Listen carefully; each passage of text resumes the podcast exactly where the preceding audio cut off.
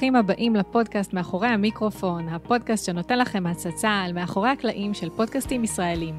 הפודקאסט הוקם כדי לשתף אתכם בכלים ובתובנות של הפודקסטרים שיושבים מאחורי המיקרופון. אז אם יש לכם פודקאסט, או אם אתם מתלבטים האם להתחיל אחד, הפודקאסט הזה בדיוק בשבילכם. והערב אני מארחת את טל מוסקוביץ', מנהל מוצר ולמידה, והבעלים של הפודקאסטים מיינדד, שהוא פודקאסט על חינוך בעולם החדש, וסקילס, שמדבר על מיומנויות העולם החדש. היי טל. שלום. מה שלומך? מה קורה? מה העניינים? בעלים זה קצת... אה, ב- בימים, בימים, בימים האלה זה, זה כאילו כמו להוציא כלב וזה בעלים של כלב. קצת מוזר לי ההגדרה הזו של בעלים כלפי פודקאסט. לגמרי. גם לי זה מוזר, אבל אני עדיין אומרת הבעלים של, כי אני לא מצאתי אה, מילה אחרת שיכולה לתאר. יוצר הפודקאסט, פודקאסטר, לא יודע, או. לא משנה, נו, נזרום. נזרום. יאללה. אז מה שלומך, טל? כיף שאתה פה. כיף להיות פה. אני אגיד, ש... אני אגיד שאני ככה, אה, קודם כל הכרנו בקבוצת פודקאסטים, בקבוצת אה, הפייסבוק, בקהילת אה, פודקאסטים, ואתה מאוד מאוד פעיל שם, גם משתף המון מהידע שלך ומהניסיון. אה, וגם יצא לי להאזין לפודקאסט שלך, למיינדד, פודקאסט מעולה. תודה. אז אה, קודם כל בוא תספר ככה קצת על עצמך. אה, כמובן, נתחיל עם באמת ככה במה אתה עוסק, מה העיסוק ה... נקרא לזה דיי ג'וב, וככה איך הגעת בכלל לפודקאסט הזה, במיוחד לתחום הזה, גם אחר כך תסביר לנו מה זה בדיוק חינוך בעולם החדש, מה זה בכלל אומר. ברור, בטח. אז uh, קודם כל אני חייב להגיד שכל הידע שאני עוזר בקהילה זה ידע שאני למדתי בקהילה ואני פשוט uh, מחזיר אותו לקהילה ומנגיש אותו. Uh, אז את כל מה שאני יודע כלפי פודקאסט אז אני למדתי ממש מהקהילה. Uh, אז אני טל, אני בן 26, עוד מעט 27. Uh, אני בוגר תואר ראשון בהנדסת תוכנה, בא כביכול מהתחום הטכנולוגי.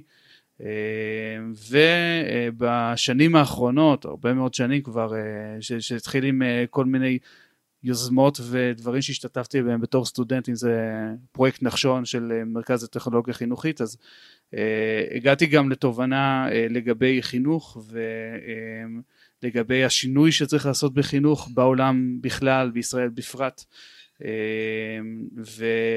ומבחינתי, כאילו, אז אני, כל, אני כאילו על הקו הזה בין חינוך או למידה לתחומים רכים יותר לבין טכנולוגיה, זה גם משקף, אה, משקף אה, אותי גם בתפקיד שאני עושה עכשיו, שזה גם מנהל מוצר וגם מנהל למידה ביחד, אה, גם וגם, אז זה אני. וחינוך בעולם החדש, אז קודם כל העולם החדש.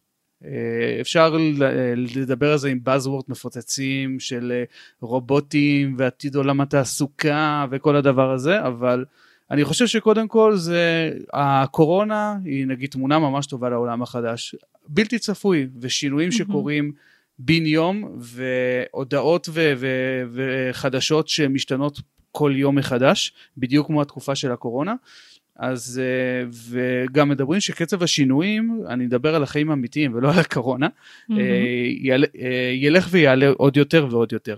וזה משפיע על כל תחומי החיים שלנו, בוודאי על חינוך, בוודאי עולם, על עולם העב- העבודה והתעסוקה, ומצריך אותנו לשאול את עצמנו מה המקום שלנו בכל הדבר הזה. יחד עם הטכנולוגיה והדברים מהמם. הנוספים. אה, רצית לשאול משהו? לא, לא, תמשיך, תמשיך. בהקשרי החינוך, אז uh, מבחינתי חינוך בעולם החדש uh, הוא בעצם כולל שלושה דברים. אחד, שהוא לא קורה רק בבית ספר, זאת אומרת יש גם מקומות אחרים שבהם חינוך קורה. שתיים, הוא לא קורה רק בגילאי בית הספר, הוא, הוא קורה, אני חושב כאילו שכל מה שצומח בשני, בשנים האחרונות, אה, התפתחות אישית. את ראיינת בפרק הראשון את אה, שלומי חסטר, אה, יקירנו ואהובנו, אז uh, כל העולם של התפתחות אישית הוא מבחינתי חינוך רק למבוגרים, זה ממש אותו דבר ואני לא מוצא הבדל בין הצרכים של מבוגרים בעניין הזה להתפתחות אישית לבין הצרכים של ילדים. ושלוש, הוא גם לא נעשה רק על ידי מורים. Uh, רואים את זה יפה מאוד uh, גם בפודקאסט שלי וגם uh, שאני מנסה בעצם להביא אנשים שעושים חינוך ואולי אפילו לא יודעים שהם עושים חינוך. Uh, זהו, זה, זה שלושת העקרונות שלדעתי מהמם. קשורים לחינוך בעולם החדש. ואיך אתה מחליט אה, באמת אה, את מי להכניס תחת המטריה הזאת שנקראת חינוך בעולם החדש? זאת אומרת, איך אתה בוחר את הנושאים? הפודקאסט שלך הוא תוכנית ראיונות בעצם. אז איך אתה בוחר נכון. את הנושאים ואת האנשים שאתה הולך בעצם להביא? כי סתם לדוגמה, אה, הבאת את אה, רלי בריל, שגם התראיינה בפודקאסט שלי, בפודקאסט על עקבים, שמדברת על אימהות באקדמיה, וכאילו, נורא מתקשר לי המילה אקדמיה, אבל כאילו, אני לא זוכרת את שמות כל הפרקים, אבל כאילו, חלק מהפרקים, כאילו, איך בעצם אתה יודע מה מתקשר לחינוך בעולם החדש, ומה כאילו הוא, הוא נניח התפתחות אישית, או משהו שהוא פחות נוגע לתחום העיסוק של הפודקאסט שלך. תחום הפודקאסט. נכון, אז זה, אז זה באמת, את קלט פה לאיזושהי בעיה שזיהיתי גם בפודקאסט שלי, ש...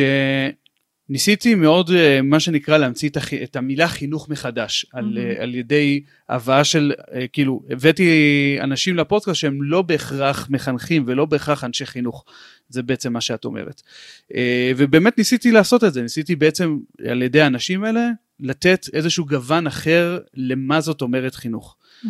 עכשיו פה זה, זה בעצם אם מדברים על קהלי יעד של פודקאסט אז השתמשתי בשפה של קהל יד X, שזה אה, נגיד אה, צוותי ההוראה, והמילה חינוך מאוד מאוד פוגעת להם, אבל ניסיתי לפנות בעצם לקהל יד אחר, Y, mm-hmm.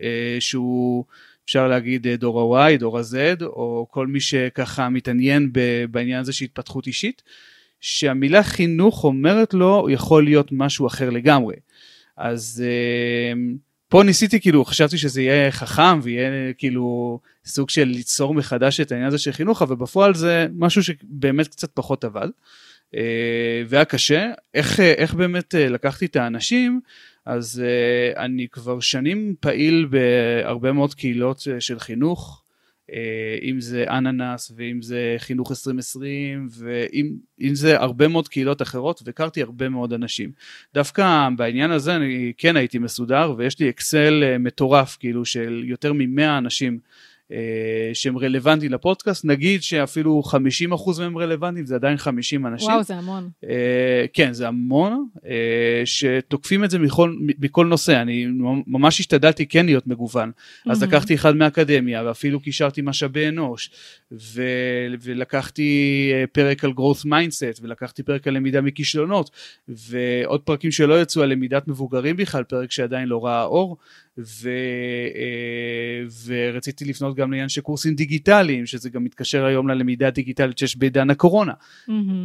אז ממש ניסיתי ככה טוב את זה מכל כיוון, ובהתחלה עשיתי את זה, פשוט לקחתי, אה, יש כלי של מפת מוח, mind map, כן. שכתבתי במרכז מיינדד, כאילו השם של הפודקאסט שלי, והשפרצתי שם, כאילו נתתי למוח שלי לחשוב, לאן הדבר הזה הולך.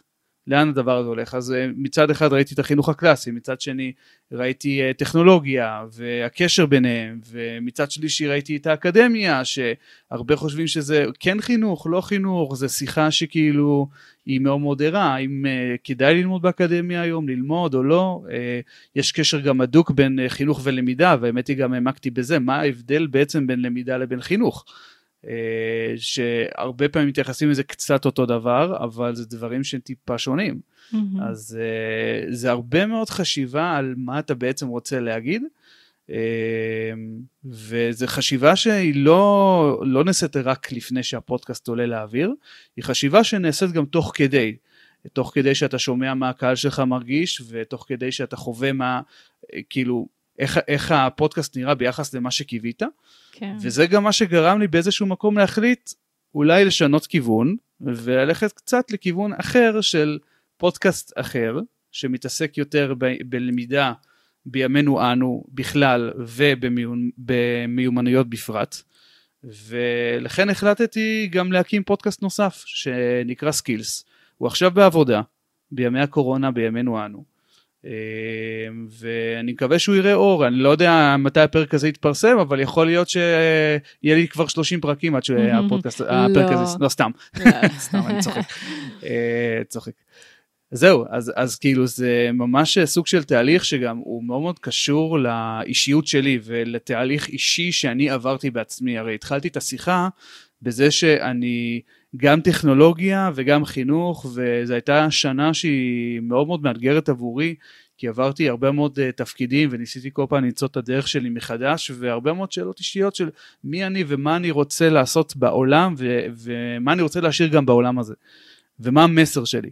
Uh, אז אם מדברים על פודקאסט כאיזשהו מיתוג אישי, mm-hmm. או, או בדומה לבלוג שהוא משקף מיתוג אישי, אני מאוד מאוד מאמין בזה, אז זה ממש אפשר לראות את ציר ההתקדמות, לפחות כאילו אני רואה אותו, בעבודה שלי גם על הבלוג וגם על הפודקאסט. יפה, אז בעצם מה שאתה אומר זה שאם הבנתי אותך נכון, שלאורך הפרקים, כמה פרקים דרך אגב הקלטת עד היום אה, במיינדד? פעם אחרונה אה, שבדקתי זה היה 17. נכון, יצאו 17, אה, הקלטתי בסביבות ה-20, יש כאלה שלא יצאו שאולי יראו אור בפודקאסט החדש, אולי הם יותר מתאימים לשם, אבל בסביבות 20. אוקיי, אז בעצם אתה אומר שהיה לך איזשהו vision בראש לגבי מה אתה רוצה לעשות, ואז התחלת בעצם את הפודקאסט, ובעצם באיזשהו מקום התפתחת איתו, והבנת נכון. שאולי אה, הדיוק של ה... קהל היעד דווקא נשמע לי מדויק, כי קהל היעד שלך, אם הבנתי נכון, מדובר על דור, הדור הצעיר, Y, Z, הדור הצעיר שבעצם נכון, חי נכון, בעולם החדש. פעם. נכון? Mm-hmm. אבל לגבי חינוך, יכול להיות שהוא כן. תופס חינוך במשהו אחר, כי חינוך גם מתקשר, הרבה, יש הרבה מאוד חוויות שאנחנו לא אוהבים בבית הספר. אה, המורה שלא אהבנו, נכון. uh, הבית ספר שלא אהבנו, אז זה יכול להיות מחבר אותם למקום אחר, ואז חינוך בעולם החדש, ופתאום אני מראיין אנשי אקדמיה, ו- ואנשים שהם לא מורים, אז מה אני בעצם רוצה מהם? כן. אז זה, לכן uh, אמרתי שאולי קהל היעד, אולי, הקהל היעד אולי כן היה מדויק, אבל השפה שבו פניתי, כן. אל קהל היעד לא היה מדויק. זה, אה, זה, זו הבנה כאילו מאוד מאוד חשובה, וגם, קודם כל זה גם ככה טיפ למי שרוצה להתחיל, אז זה באמת ברור. לנסות להבין, לוודא שהוא מדבר באמת בשפה של קהל היעד שלו. ו- וזה גם אמיץ, אני חושבת, באיזשהו מקום, פתאום אחרי 20 פרקים לבוא ולהגיד, טוב, משהו פה לא מדויק, בואו נלך ונדייק את הדברים. זה... זה, זה היה לך קל לעשות את ההחלטה הזאת? אתה, כאילו, להגיע להבנה הזאת שאולי פתאום כן, אמ, משנים? זה, זה לגמרי, זה נשמע קשה, כאילו, זה נשמע קשה, אבל אני באיזשהו מקום אה, רגיל לזה, כי אני חושב שכל הפעילות הזו ברשת וכל מה שאני עושה, ו- ואגב, התחלתי כאילו, עוד לפני הפודקאסט התחלתי עם בלוג שהוא עדיין קיים ואני עדיין mm-hmm. מפתח אותו, ו... אני כן, אני כן חושב שזה תהליך, אני לא חושב שהדברים האלה צריכים לצאת מושלם, אני לא חושב ש, שכאילו, שכל הדבר הזה הוא ברמת הפקה כאילו של, אה, כמו שאנחנו רואים עכשיו אה, חדשות או דברים בטלוויזיה או משהו כזה שמועקצאים עד הסוף. וכן, והעניין הזה הוא גם תהליך, וחלק מהתהליך שזה גם אה, למדתי את ה... וזה מיומנות אני חושב, לדעת איפה לשים, לשים את האצבע, לדעת איפה לעשות cut ולהמשיך, להמשיך גם שרואים שזה לא עובד ולחשוב על, על הדרך שבה זה כן יעבוד, לחשוב עוד פעם על מה אתה בעצם רוצה להגיד ו... ולעשות את זה אחרת ולהשתנות תוך כדי, זה, זה בעצם העולם החדש, זה מה שאנחנו מדברים על זה. לגמרי. על העניין הזה של השינויים. לגמרי. אז אנחנו משתנים בעצמנו. נכון, תמיד. אז, אז בעצם, אם הבנתי, גם נכון, אה, אמרת מקודם שככה גם אה, צריך להקשיב לקהל ולמאזינים, אז בעצם מי שעזר לך להגיע להבנה שבעצם, או, או מתי בעצם, השאלה שלי היא, מתי נפל לך האסימון, שבעצם השפה שבה אתה מדבר והמילה חינוך היא לא כל כך מתאימה לקהל היעד. זה היו המאזינים שבאו ואמרו את זה, או שזה היה משהו אחר שגרם לך להבין? אז uh, אני שמתי לב שמי שניגש לפודקאסט הזה הוא בעיקר מורים. שזה לא קהל היעד שאליו כיוונתי. איך שמת לב אה, דרך אגב? זאת אומרת, אתה בקשר איכשהו עם המאזינים שלך, או פנו אליך אנשים ואמרו? אה, האמת היא, כאילו, גם האנשים שפנו אליי זה בעיקר אנשים ש, שכאילו הם בחינוך הפורמלי, למרות שאני לא אוהב את המינוח הזה, אבל מהחינוך הפורמלי. אה, וגם ניסיתי כאילו להקים איזושהי קבוצת מאזינים לפודקאסט, ש, ש, שזה היה כאילו ממש התנאה ככה לקראת הסוף של, ה, של התקופה הזו. כאילו בעת האחרונה, אה, ובעיקר מי שהצטרף אליה מיוזמתו זה בעיקר מורים. Mm-hmm. אז ראיתי שאני בעצם פונה לקהל יעד, כאילו הקהל יעד של הפודקאסט זה לא הקהל שאני באמת רוצה לפנות אליו, וגם לא משהו שאולי הייתי רוצה למתג את עצמי בתוכו, כי אני לא חושב, אני מאוד מאוד מאמין בדבר הזה ובעניין שאנחנו צומחים אה, יחד עם העולם החדש ומצמיחים אחד את השני. לא בטוח שאני ארצה למצוא את עצמי דווקא במערכת החינוך. אה, בכלל התחלתי עם כל העניין הזה כלפי חינוך, כשהתחלתי עם כל הדבר הזה, כל הזמן שאלו אותי, רגע, מה, אתה רוצה להיות מורה? אתה רוצה ללכת למערכת, למערכת החינוך? עכשיו, אני לא, כאילו, השאלה עצמה היא צרה, לא משנה כרגע אם התשובה היא כן או לא, כי עוד פעם, אני לא יודע איך, איך יתפתח העולם, אבל השאלה עצמה היא צרה. אה, כן. ואני חושב שצריך לפתוח את הראש ו- ולהבין כאילו שחינוך זה משהו אחר, מזה יצאתי, מהדבר הזה יצאתי, מהשאלה הזו. אז ברגע שאתה מבין שאתה רוצה לפנות לאיזשהו קהל יעד מסוים, ואתה מקבל קהל יעד אחר, אז uh, אתה, אתה מבין שמשהו פה לא עובד. משהו פה לא עובד. כן, זה הכל. לגמרי. יפה, יפה שהגעת להבנה הזאת אה, יחסית מהר, זאת אומרת, אמנם הקלטת 20 פרקים, אבל, אה, אבל זה יפה.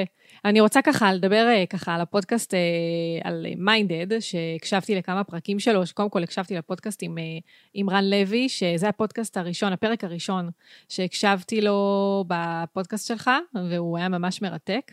וגם, אגב, דרך אגב, אני ככה שאלתי את עצמי, באמת איך הוא מתקשר לחינוך. זאת אומרת, העולם החדש מאוד התקשר לי, אבל כאילו חינוך, באמת, באמת זה ככה תהה, גרם לי לתהות, סליחה.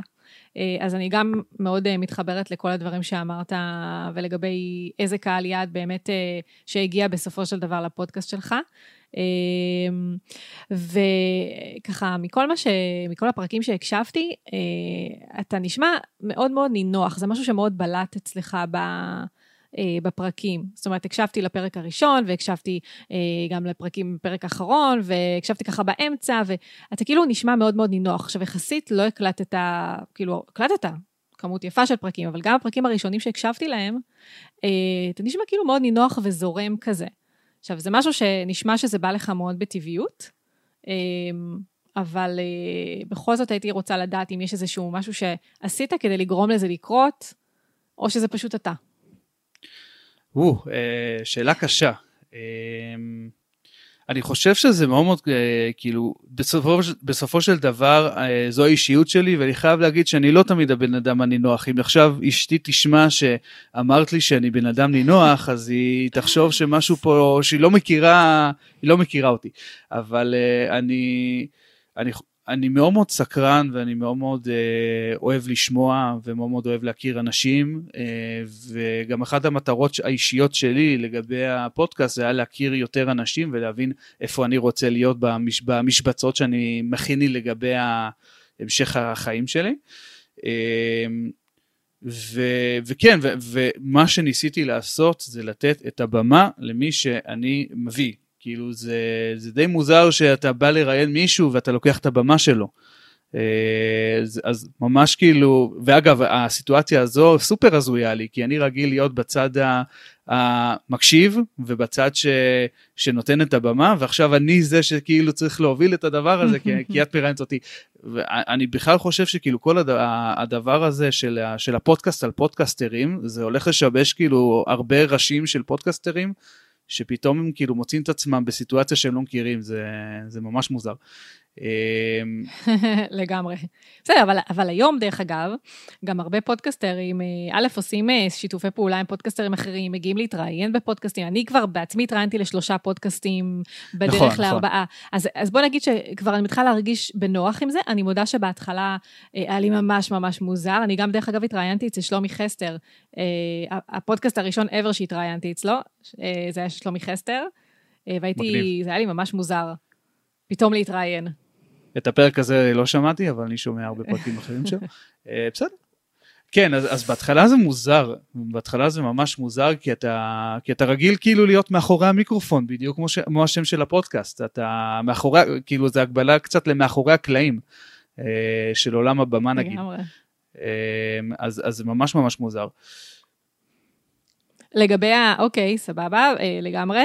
אה, ולגבי העניין של הנינוחות, אני יכולה להגיד שאני לפחות, אומרת, אה, כאילו, אני לפני אה, פודקאסט על עקבים, לא, לא היה שום הזדמנות שבה ראיינתי אנשים, כאילו, אה, והייתי מאוד מאוד לחוצה בפרקים הראשונים. עכשיו, אחד הדברים שעזרו לי, אה, שגם שמתי לב בפודקאסט שלך, שיש חלק מהאנשים שראיינת, זה אנשים שיש לך היכרות קודמת איתם. נכון. אז למשל, לפרק הראשון, אה, שלי אני ראיינתי את חן קאופמן, שזה מישהי שאני מכירה, זה מישהי שאני מכירה מהגן. שזה כאילו ככה עזר לי לצלוח את הפרק הראשון שהייתי מאוד מאוד אה, חרדה אה, לפני שהקלטתי אותו, אבל הפרקים הראשונים לאחר מכן, שזה בנות שבעצם, נשים שלא הכרתי, הייתי מאוד מאוד לחוצה, ולקח לי, אני חושבת לפחות איזה כמה פרקים טובים, עד שהצלחתי ממש להשתחרר. וזאת למרות שעשיתי הכנה מוקדמת טובה, ועשיתי מחקר, והיו לי שאלות מוכנות, כאילו, הייתי פשוט בלחץ. וואו. אז, כן. אז כאילו הכוונה שלי בשאלה היא, האם נניח היו דברים שעזרו לך מההתחלה ככה להרגיש אה, נינוח, או שפשוט באמת, כמו שאמרת, זה פשוט האופי שלך. אז uh, האמת היא שכאילו, אני פשוט כל הזמן חשבתי איך אני משחרר ואיך אני נותן את הבמה כאילו לצד השני שיוביל וגם אני, אני אף פעם לא ראיינתי, לא ראיינתי מישהו לפני, אף פעם לא התעסקתי בדבר הזה, קצת היה לי פה ושם הרצאות שעמדתי מול קהל, אבל זה, זה בכלל בכלל לא אותו דבר, אין מה להשוות. אמ, לגבי ההכנה, אז באמת באמת חשוב כאילו לעשות את ההכנה, ואחד הדברים שהרגיעו אותי זה שאני תמיד אה, כאילו, ש... יש לי איזשהו כיוון לכל השיחה הזו, ואני בא מוכן, ואני עשיתי הכנה תמיד מאוד מאוד עמוקה, מאוד מאוד עמוקה. אני תמיד נכנסתי לאתרים ולבלוגים של מי שראיינתי, אה, מאוד מאוד אהבתי את אה, דף ההודות אה, של המרואיינים, mm-hmm. עקבתי אחרי הפייסבוק, אחרי מה שהם כתבו בקבוצות והכל, כדי באמת להתאים את הראיון אליהם. Mm-hmm. אני למשל, יש אה, פודקסטרים שהם אה, לא באים מוכנים, כאילו מה זאת אומרת לא, לא באים אה, מוכנים, סומכים על יכולת האלתור שלהם. נגיד ליאור פרנקל, פופקורן, אז הוא מאוד מאוד, הוא כל הזמן אומר את זה שהוא אף פעם לא מגיע, כאילו הוא לא, הוא לא מתכונן לראיון, הוא יודע אולי איזה טייטל או את השם של הבן אדם ונותן ככה לדמיון ולסקרנות להוביל אותו. כן. אמ, אני למדתי שלי זה לא עובד, עשיתי פרק אחד עם איזה מישהו שגם הייתי בטוח שהוא יזרום כאילו יחד איתי, וראיתי שאם אני לא מתכונן לפני, אז uh, זה פשוט לא עובד, לא עובד. כי גם כשאני מאלתר ולפעמים אני שואל כאילו שאלות טיפה אחרות וזה, חייב שיהיה לי איזשהו בסיס, איזשהו בסיס מאיפה לצמוח. כן.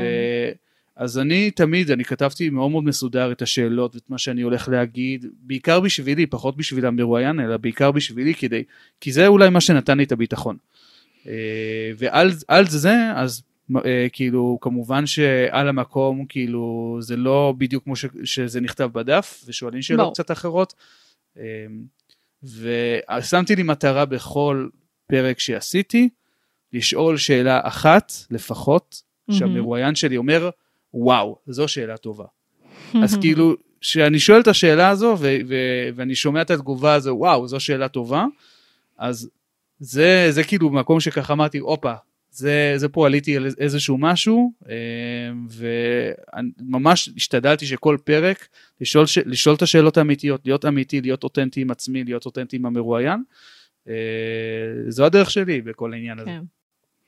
אני מזדהה דרך אגב, גם אני ככה, כשאני אה, שואלת שאלה ופתאום המרואיינות, או עכשיו זה כבר מרואיינים, כי זה גם בפודקאסט הזה, אומרים לי, וואו, זו שאלה ממש מצוינת, או שאלה שגורמת לי לחשוב, אני גם ככה מבסוטה מעצמי, זה כאילו נותן לעצמי איזושהי, אה, כאילו איזשהו, איזושהי גושפנקה כזאת של, סבבה, אז אני, כאילו, אני כן, אני יודעת לראיין, כאילו, למה, כמובן שזה משהו שנרכש, אבל, אה, אבל אני גם מבסוטה מעצמי לגמרי. אה, מה קרה דרך אגב באותו ראיון ש... שככה באת לא מוכן? כאילו, מה, מה בסוף, הפרק הזה פורסם?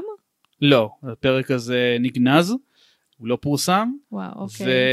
ופשוט, כאילו, זה היה נטו כזה, יאללה, בוא ננסה את זה, מה אכפת לי? כאילו, מקסימום לא ילך טוב, זה היה גם uh, מישהו קרוב, אז uh, כאילו, אוקיי. הוא גם זרם איתי. זהו, רציתי לשאול. מקסימום לא יצא טוב. כן. לא נורא.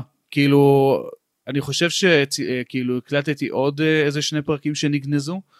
Uh, כאילו מסיבות שונות, הראיון לא זרם, הוא לא הלך לכיוון ש, ש, שרציתי שהוא ילך אליו. Mm-hmm. זה דברים שהם קורים וצריך גם לדעת עוד פעם איפה לשים את הקאט ואיפה לשחרר ואיפה להבין ש, שכאילו ש, שהדבר הזה לא יצא טוב. וצריך okay. גם אוקיי. להיות אמיתי עם המרואיינים שלך, ש, שזה זה, זה משהו שיכול לקרות.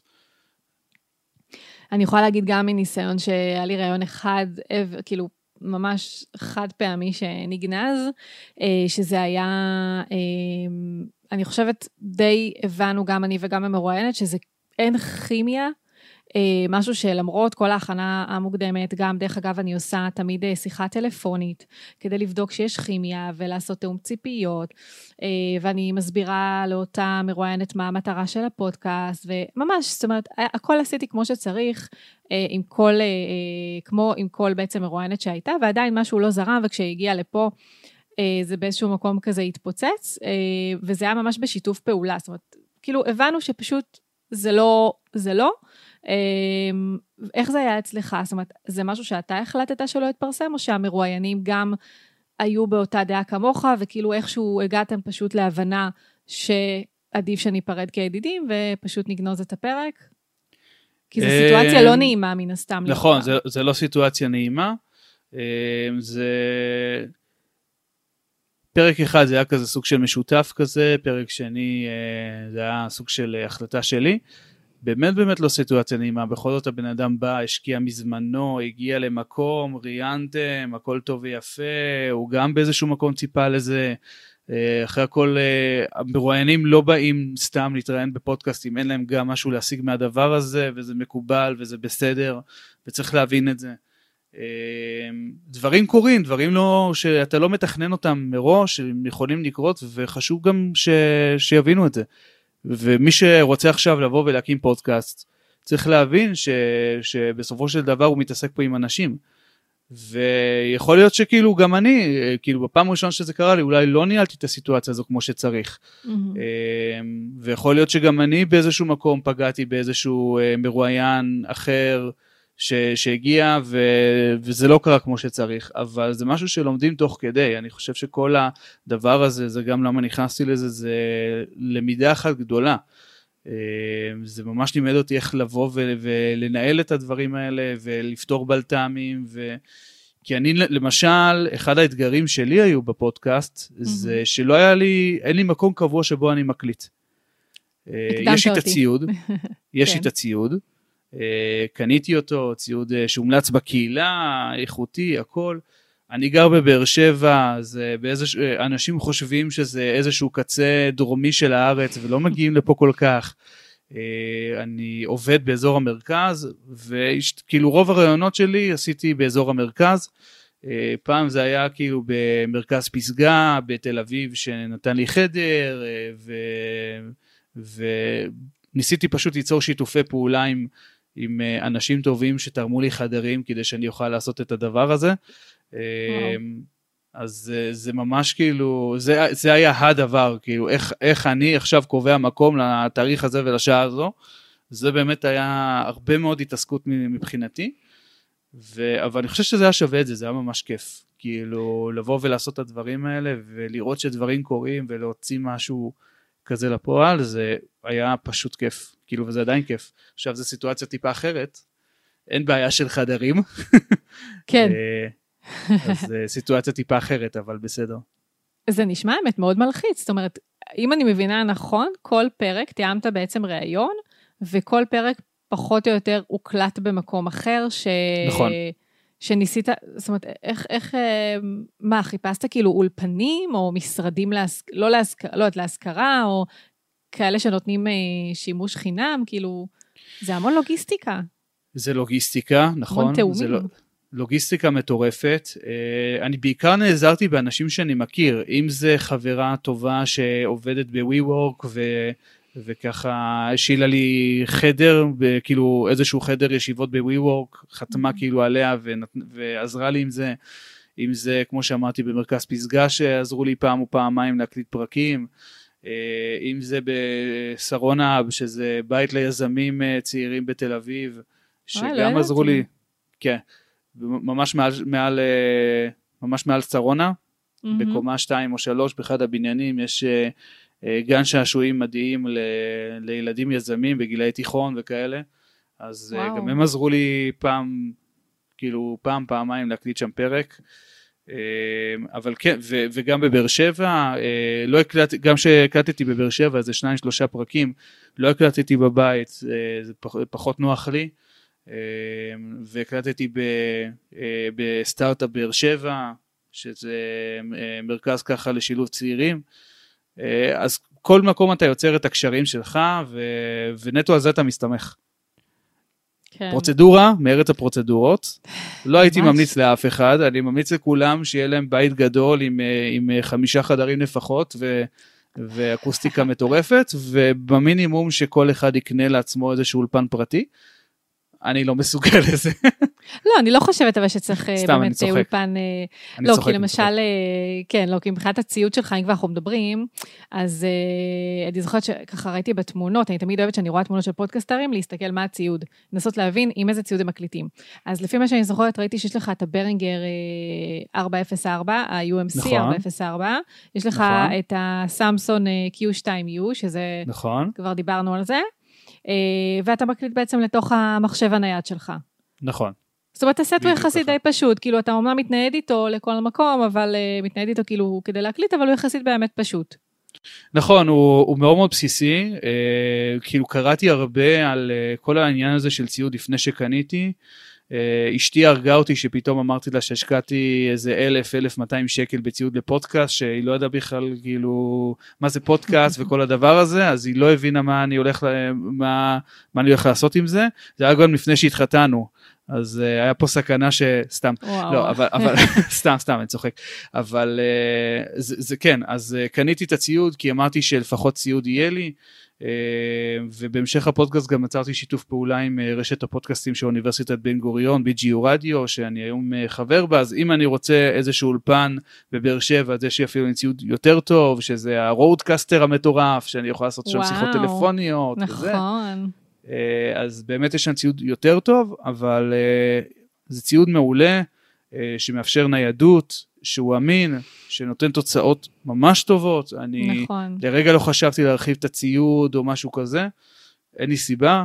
אה, תקלות קורות, כאילו, כמו שכאילו, יש כאלה שמקליטים עם הזום, ואז שוכחים לשים סוללות, או הכרטיס נגמר, או משהו כזה. אה, תקלות תמיד קורות וזה לא משנה עם איזה ציוד כאילו אפשר הייתי יכול גם לקנות זום וכאילו לעשות גיבוי זה בעצם מה שאת עושה אני יודע נכון. אה, כן. אבל אבל כאילו זה זה לא זה לא חסין במאה אחוז. לא, אבל אה, כן. זה גם, יש כאן את העניין של התקציב, זאת אומרת, זה ממש בסדר גם לעשות הקלטה אחת ולא להוציא, ואני, הציוד אה, לי עלה בסביבות 2,500 שקלים בסך הכל, הכל, כולל הגיבוי. אה, אבל זו הייתה החלטה ששוב, אני לא רציתי לקחת סיכון שאני מביאה מישהי ו... ומשהו מתפקשש, כמו שאכן קרה, זאת אומרת, יותר מפעם אחת. אה, האמת לא קשור לזום, זאת אומרת, זה קשור שהבטריות אה, פעם אחת נגמרו, לא שמתי לב, לא הטענתי כמו שצריך, ופעם אחת הכרטיס זיכרון היה תקול, שזה באמת אין לי דרך גם לדעת. נכון. ולכן באמת פשוט נשמתי לרווחה כשראיתי שהקלטת גיבוי הייתה כמו שצריך, ו... זאת אומרת, והכל היה תקין, אבל uh, אני אף פעם לא ממליצה מההתחלה להתפרע ולהוציא אלפי שקלים. כל אחד בתקציב שלו יקנה מה שהוא יכול לאפשר לעצמו, פשוט. ויתקדם נכון, משם. נכון.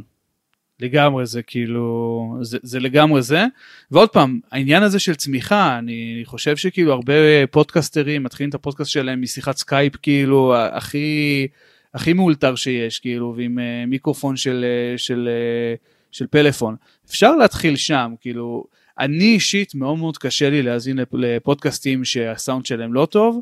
כן. אה, ואני לא, אני, אני האמת היא קצת מפונק בזה, אני חייב להגיד, מצטער כל מי שמאזין עכשיו, אני מפונק, אני לא, אם יש איזה פודקאסט שלא נשמע טוב, אני, אני לא אשמע את הפרק.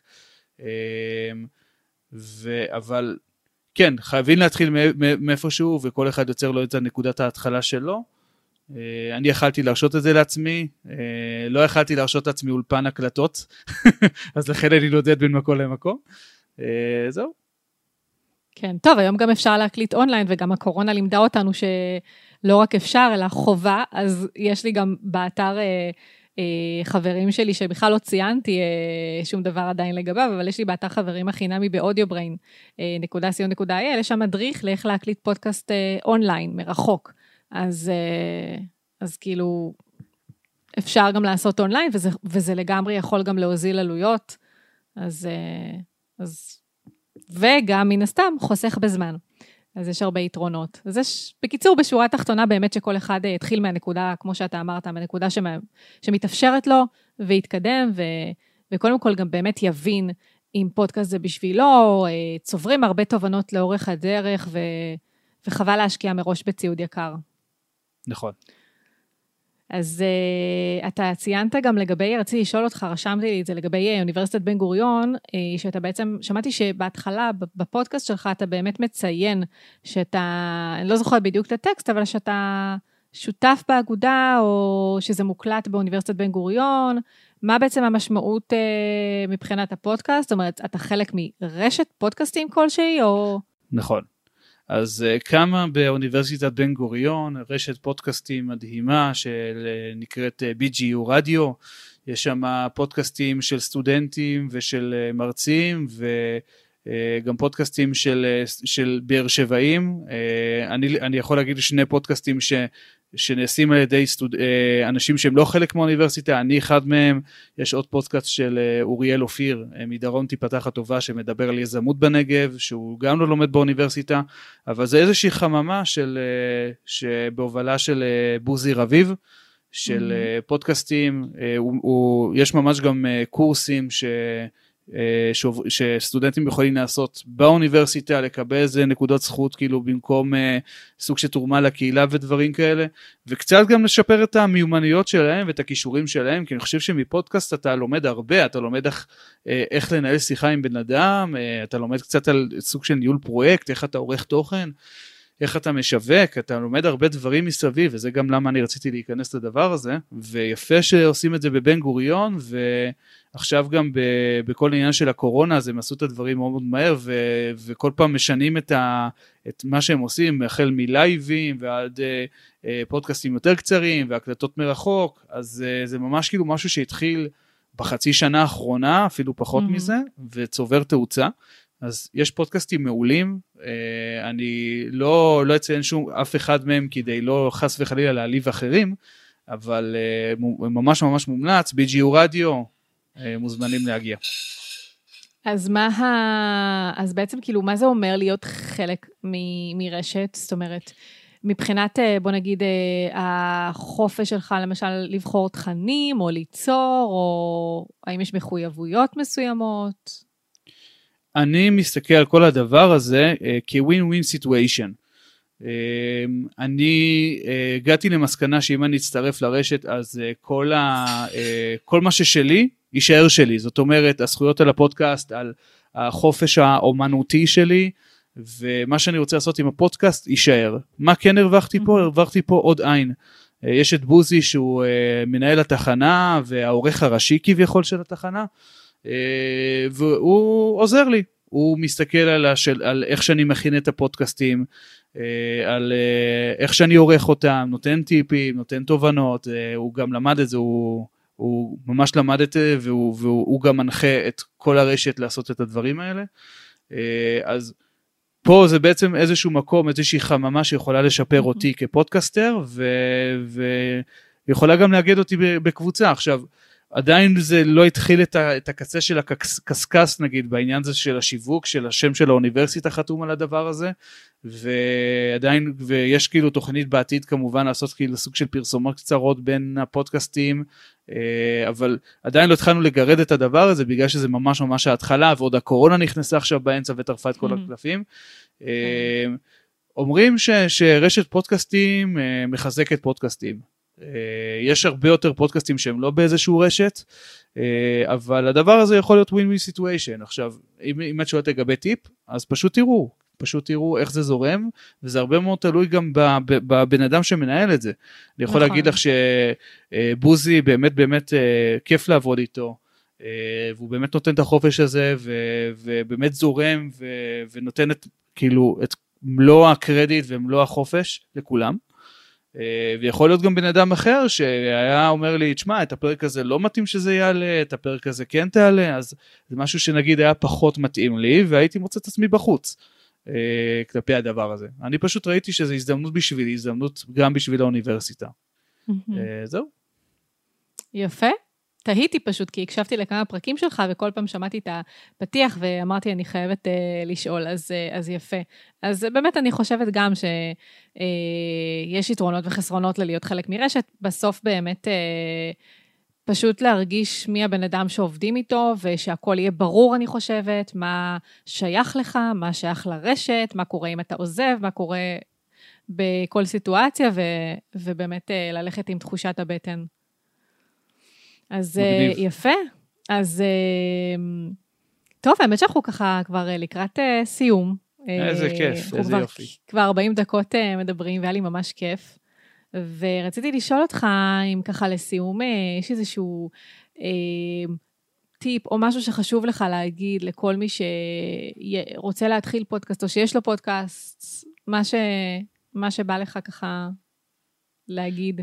אה, אני חושב שזה דברים כאילו שאמרתי גם ב, ב, כאילו בשיחה שלנו, אבל כל הדבר הזה הוא תהליך, והוא קרקע ללמידה, ועוד פעם, זה לא צריך להיות מושלם, ולא צריך להיות עם הציוד הכי טוב, ולא צריך להיות עם, ה, עם המרואיינים הכי טובים, אה, ואפשר להתקדם מזה, אפשר להתחיל מנקודה A ולהגיע לנקודה B, ו, וכל פודקאסט עושה את זה אפילו, אה, אפילו בלי שהוא שם לב. אחד הטיפים אני חושב הכי טובים שיש כאילו הרבה מאוד אנשי שיווק שאומרים רגע אם אתה מקים איזשהו תוכן או משהו אז אתה צריך ממש לברור את הקהל יעד ואת הפרסונות בצורה מאוד מאוד מדויקת. ואחד הטיפים הטובים היה דווקא של ביסמוט ויפרח שאת חייבת לראיין אותם. אה, ש, שכנרת ממש רשמה בקבוצה ש...